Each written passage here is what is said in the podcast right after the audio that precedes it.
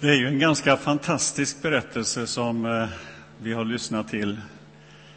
Berättelsen om hur Jesus föddes i Betlehem. Ibland så är det ju så att man, när man hör den berättelsen så tänker man det, det skedde där och då och långt borta. Och hur får vi in det i vårt sammanhang? Vad, bryr, vad, vad betyder det för oss? För några år sedan så skrev jag en eh, liten variant på julevangeliet. Eh, och eh, jag tvekade länge om jag skulle läsa den här idag, men jag gör det.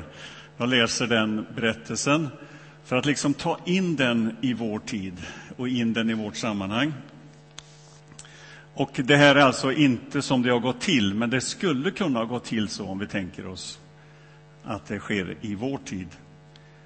Förresten så, så publiceras den här i en av våra dagstidningar och någon ringde mig och frågade, men så kan det väl inte ha gått till? Nej, det, det är sant.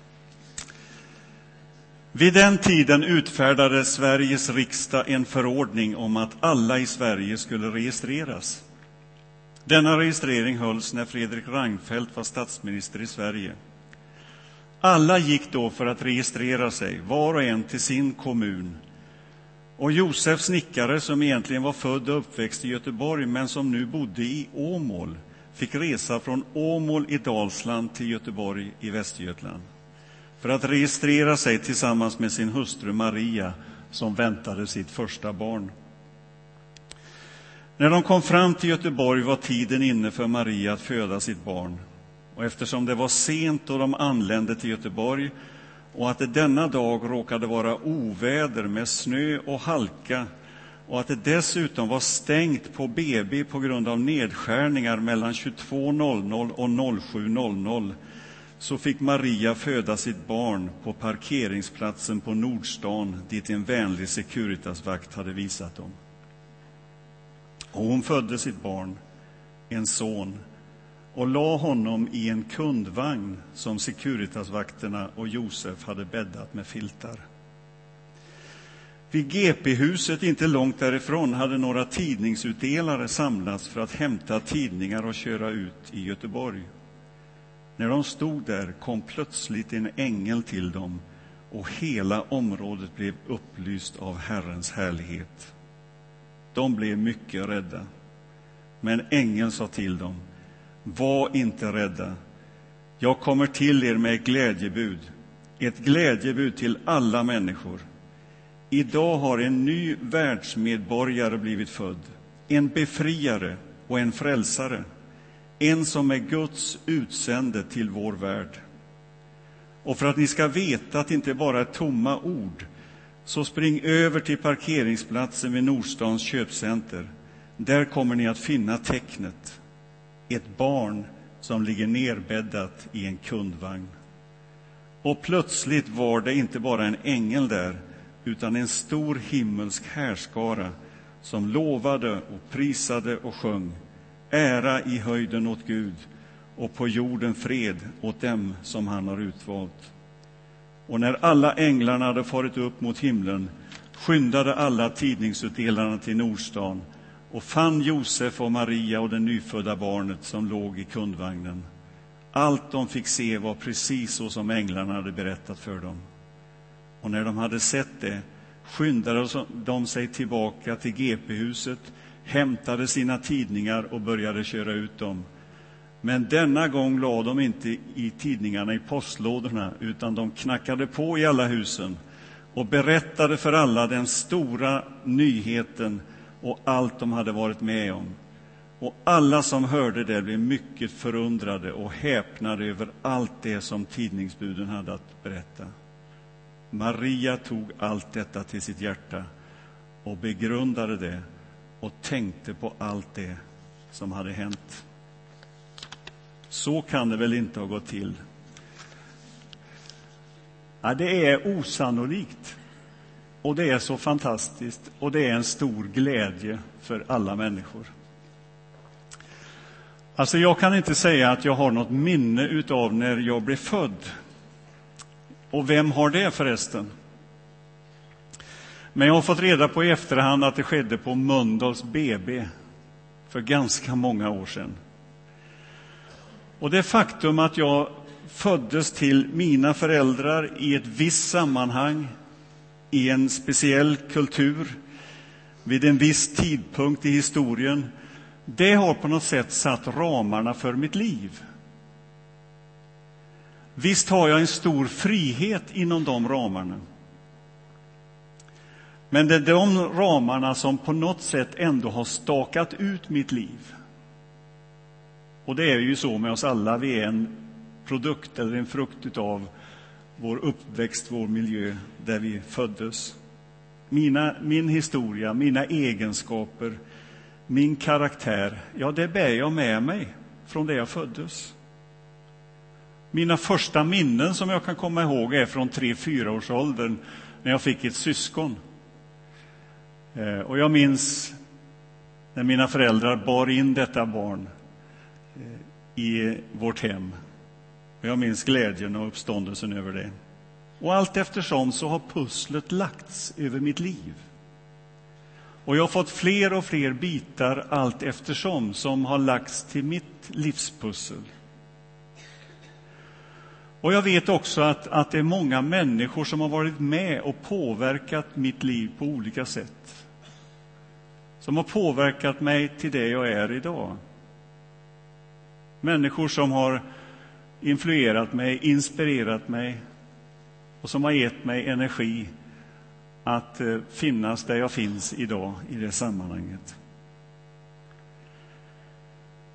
Jag vet också och så är det ju för oss alla, att mitt liv och ditt liv utspelas mellan två ramar, kan man säga. Och det är ju födelsen och döden. Den sträckan, den livssträckan, som vi alla har. För en del blir den väldigt lång, för andra kortare. Men det är ändå de förutsättningarna, de ramarna vi har att förvalta vårt liv. Där finns vi. Men nu är det så här att det som jag nu har beskrivit, det är ju min och du kan skriva din historia utifrån dina förutsättningar, din kultur. Men som kristen så finns det ju en berättelse till som definierar mitt liv. Och det är den berättelsen som vi läser om idag. Det är den berättelsen som börjar i denna lilla stad Betlehem några kilometer utanför Jerusalem. Där finns också en historia om mitt liv. Och den berättelsen är precis lika sann som den jag nyss har skissat. Den berättelsen definierar också mitt liv. Och det, det, är ju detta som egentligen hela julen handlar om. Att denne Jesus, som föddes i Betlehem, han har påverkat massa människor på den här jorden. Och han har också definierat mitt liv, mina förutsättningar, mina ramar, mitt innehåll i livet. Och jag brukar tänka så här att när man går på något av varuhusen här i Göteborg och hör de här julsångerna tona i högtalarna så kan man ju ändå inte utan att sträcka på sig säga ja, men jag känner den mannen faktiskt. Så gör det nästa gång du står där vid kassan. Kan du säga till kassörskan att den som ni nu spelar om, den, den personen känner jag. Eller äh, ännu hellre, den personen känner mig. För det är ju så det är. Jesus var inte bara där och då, han är här och nu. Och det är det som är den stora glädjen för alla folk, som änglarna sa. Det var inte många som uppfattade när, Jesus, eller när Gud skrev historia i Betlehem. Gud handlade utanför det etablerade systemet. Gud handlade utanför dem som gjorde anspråk på att kunna höra Guds röst. Det var inte många som såg det och registrerade det. Och istället var det några sömndruckna herdar ute på Betlehems ängar som fick vara de första att få reda på vad som hade hänt där inne i Betlehem. Och det säger oss någonting om att det är så lätt att vi missar när Gud är färdig.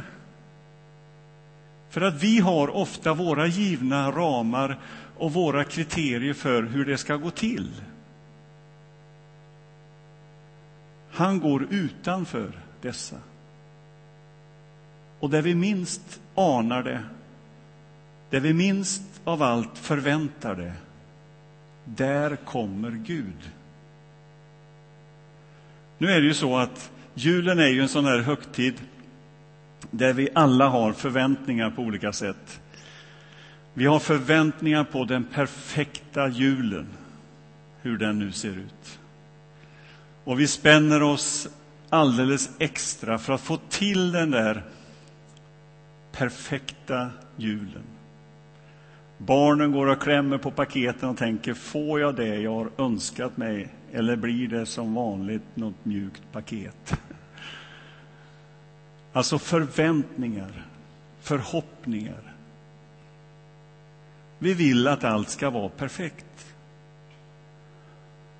Och judarna väntade också på den perfekte befriaren.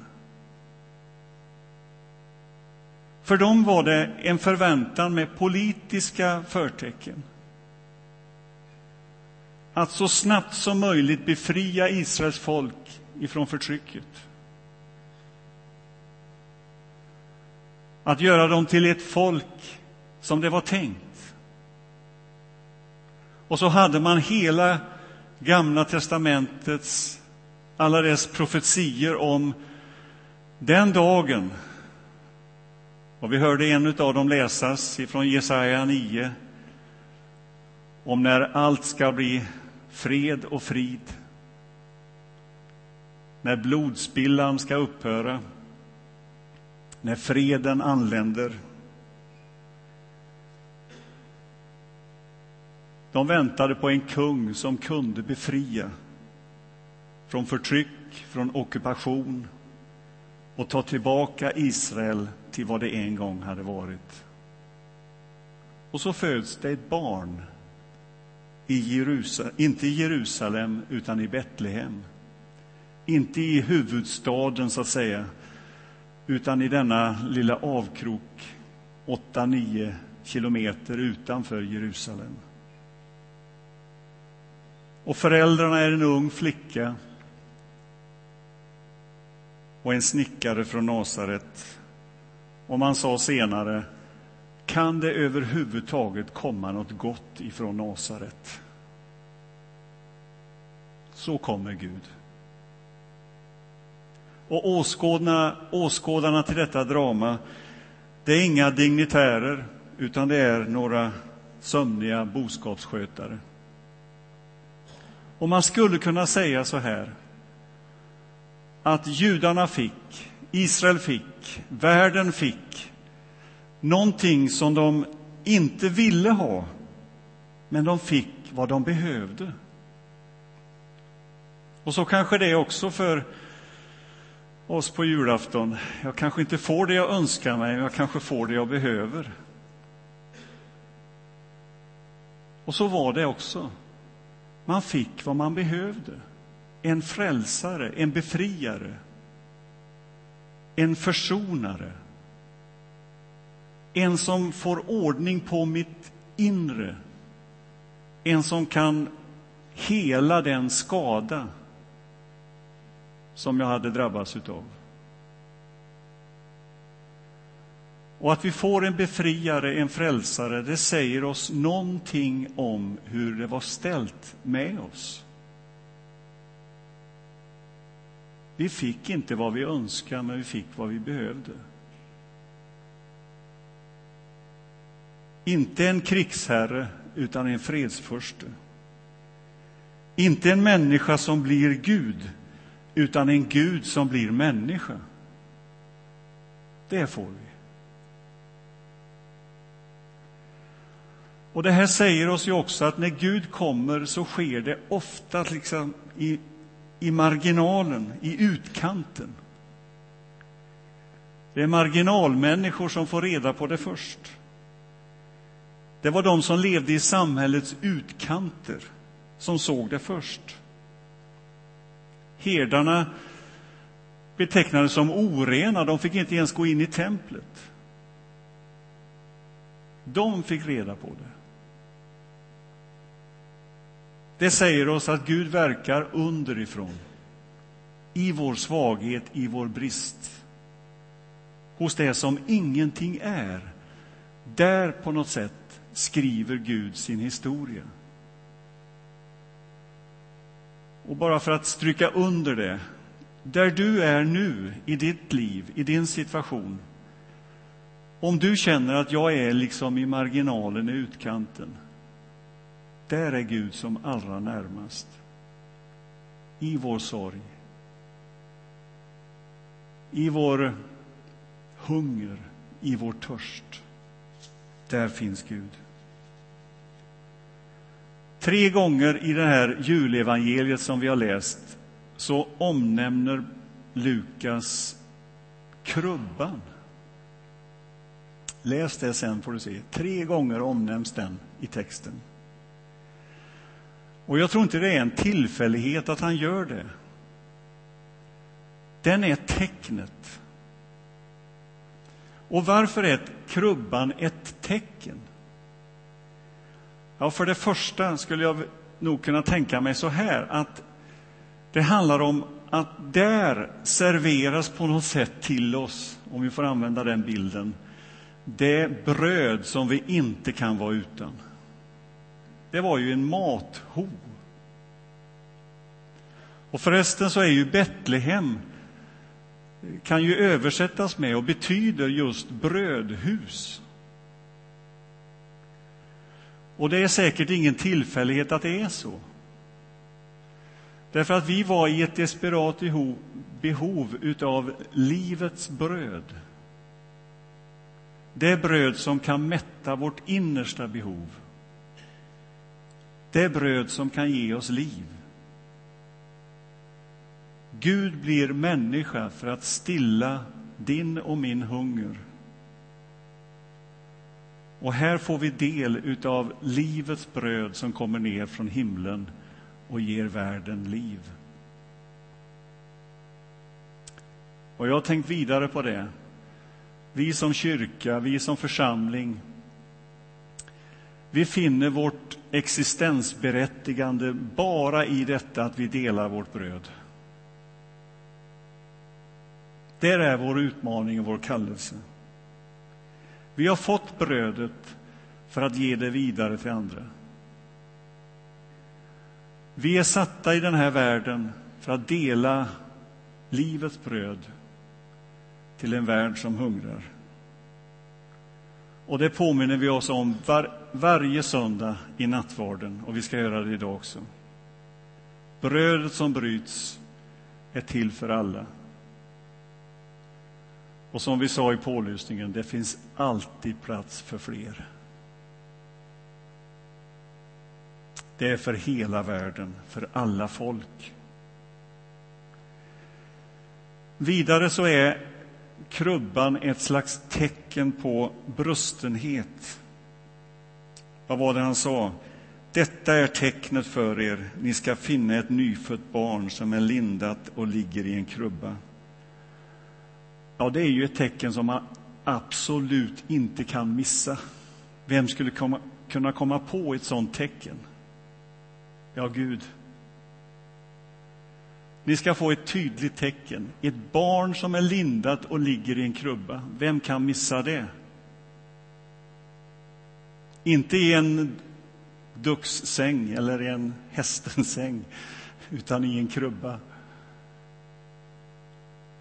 Enkelt, utsatt. Tecknet handlade om bröd men också om sårbarhet, om utsatthet, om brustenhet. Och tecknet, det är att i vår utsatthet, i vår brustenhet, i vår längtan, så finns det ett barn, en person, Jesus, som kan stilla vår hunger. Och han har placerat sig på ett sådant sätt så att alla kan nå honom. Han är tillgänglig för oss alla.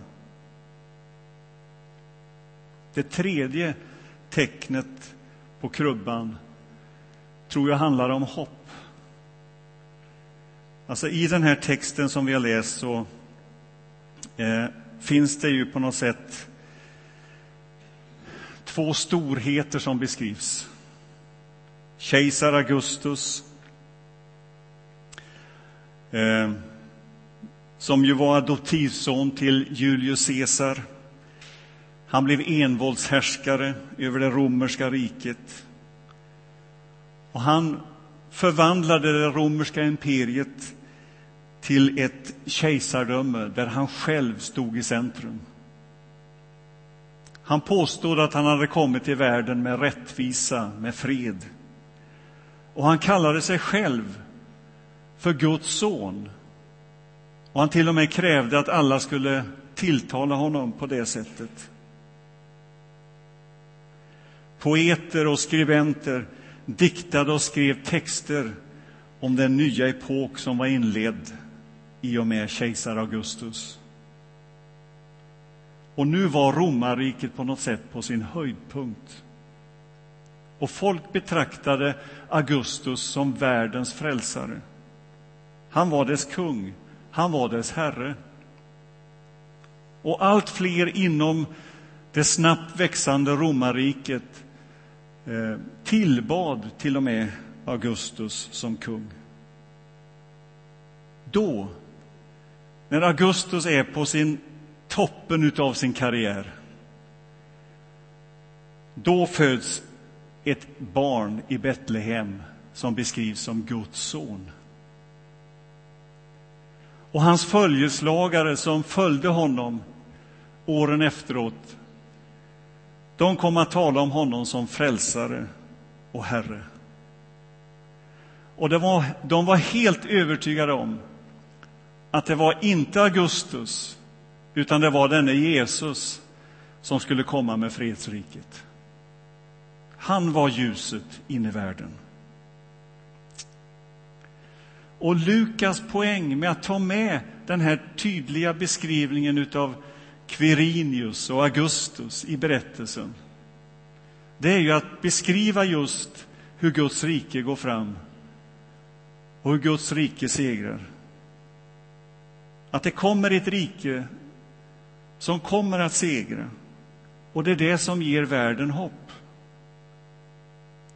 Det är Guds rike som ska bestå när alla andra riken kommer att misslyckas. Och herdarna, de får höra ära i höjden åt Gud och på jorden fred åt dem han har utvalt. Vilka har han utvalt? Svar alla, alla människor. Jag bär bud till er om en stor glädje, en glädje för hela folket. Det är för dig, det är för mig, det är för alla människor. Och så går det riket fram, tränger fram genom alla andra riken. Och när alla andra riken faller så kommer det riket att bestå. Det är det som ger världen hopp. Det är en välsignelse för alla folk. Och jag har känt så starkt inför den här dagen att låt oss få stryka under det riktigt ordentligt, att det är, det är en stor glädje. Vi brukar ju säga så här att säga vad man vill om oss kristna, men vi kan konsten att behärska oss. Alltså, vi, vi, vi håller igen. Men det här är verkligen en stor glädje och låt oss ge uttryck för den när vi möts, att idag har en frälsare fötts åt oss och han är Messias, Herren. Och låt det också få synas i den måltid som vi kommer att dela tillsammans här, när vi delar brödet och vinet. Låt det få uttryckas i stor glädje, i välsignelse. Och, och, vi gör som vanligt här idag, vi inbjuder dig att komma och ta emot nattvarden. Du kan gå fram här och tända ett ljus i ljusbäraren och uttrycka din glädje, din tacksamhet, men också din bön och din längtan. Du kan gå in i vårt förbönsrum här inne och få förbön för det som du känner att ja, men det här vill jag ha hjälp med att be om. Och då finns det människor där som vill be tillsammans med dig. Här kommer också stå några personer och bara välsigna dig och, och få önska dig allt gott i livet. Och, och, vill du gå dit och få en välsignelse, det är bara en enkel välsignelsebön över ditt liv. Så gå dit och ställ dig och ta emot den välsignelsen.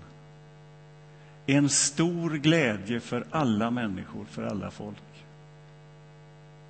Och så får vi vara i det här rummet och uttrycka vår glädje och tacksamhet över att idag har en frälsare fötts åt oss. Han är Messias, Herren. Det är det som är evangeliet, och evangelium betyder glädjebud. Så låt oss ta in det i vår gudstjänst. Vi ber. Tack, Gud, att du har kommit hit i vår värld. Att du har blivit en av oss. Att du har identifierat dig med allt det som vi som människor är. Att du har delat vår sorg, vår nöd, vår utsatthet. Tack att vi i dig får befrielse och fred. Och vi ber, Herre, med hela din kyrka över hela världen, låt ditt rike komma. Låt din vilja ske på jorden så som i himlen. Låt ditt rike få växa från kust till kust, från öst till väst och från syd till nord. Och låt alla människor få höra ditt ord och få del av denna befrielse som evangeliet är. Vi ber om det i ditt namn. Amen.